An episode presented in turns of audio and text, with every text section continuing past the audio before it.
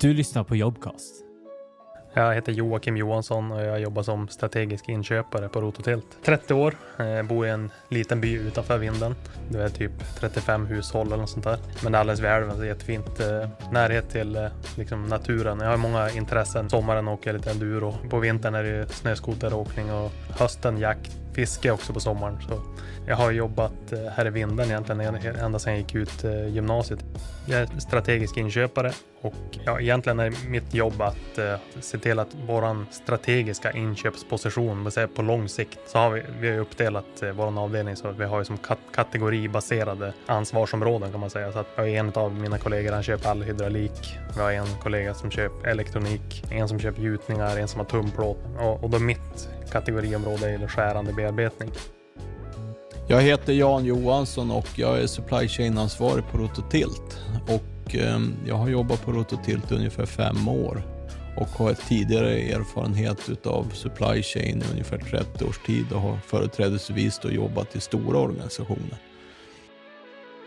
Det jag gör i min roll det är att eh, jobba med olika typer av processer och processsteg liksom för att säkerställa varuförsörjningsflödet för företaget så att vi liksom får hantera flödet egentligen av produkter från, från kund, behovet från kund och eh, material in och produktion, koordinering av produktionsaktiviteter för att få ut en produkt till våra slutkunder i förhoppningsvis rätt tid.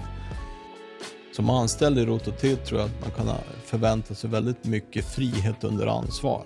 Möjligheter liksom att utvecklas, ut, utvecklas i sin yrkesroll och driva en agenda framåt. Om man säger så här, det vi trodde, alltså som om man nu strategiskt inköpare ska man ha ett långt perspektiv och säga att vi tittar ju fem år fram. Vad kommer våra vara behov av vad då? Vilka leverantörer behöver vi för att klara av de volymerna? Och, och det vi trodde skulle hända kanske om två, tre år, det hände liksom direkt. Pandemin slog till, det vart sån, alla problem liksom blommade upp mycket snabbare. Så, så det var det att hitta alternativa vägar hela tiden.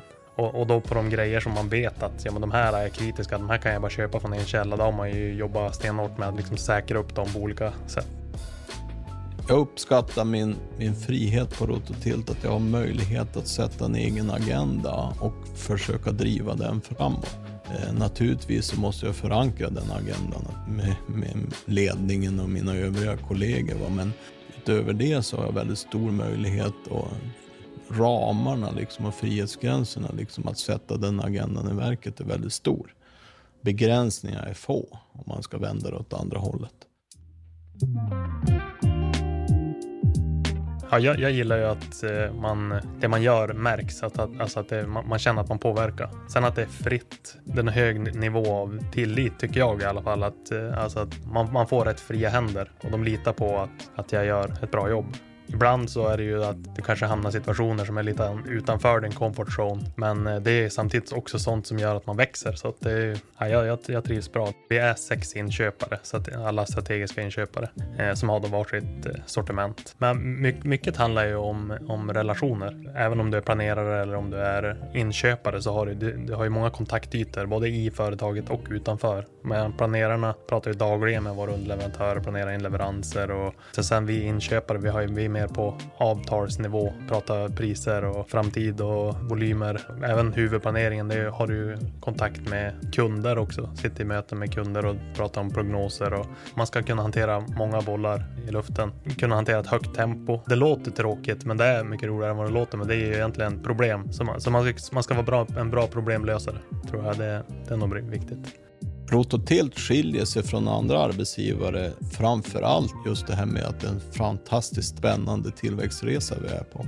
Och eh, jag har ju företrädesvis jobbat i ganska stora organisationer tidigare, men jag tycker att Rototilt både har den här delen av stora företaget, alltså med stark, alltså stark framåtanda och en, en stark fokus på tillväxt men även det lilla företagets kultur och familjära stämning liksom och, och fokusera på det. Så det är en väldigt bra blandning utav båda. Jag tycker eh, om, om man tar som exempel, vi hade ju en familjedag förra veckan eller för två år sedan var det. Där, där, man liksom bjöd in, det var öppet hus för allmänheten, bjöd in anställda med familjer, liksom hade en trevlig kväll och ja, men, god mat och underhållning och allting. Sånt, sånt tycker, uppskattar jag. Jag tycker det är väldigt fint. Företaget skulle lika gärna kunna inte göra det. Det uppskattar jag.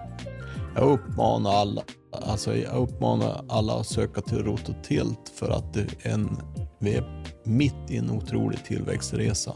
Och det finns stora möjligheter liksom att både utvecklas som individ och, och även utveckla företaget. Så är man en sån person som vill driva frågor och vill utvecklas och vill utveckla arbetssätt, arbetsprocesser så är Rototilt en perfekt plats att börja på eller fortsätta på beroende på var man är i livet.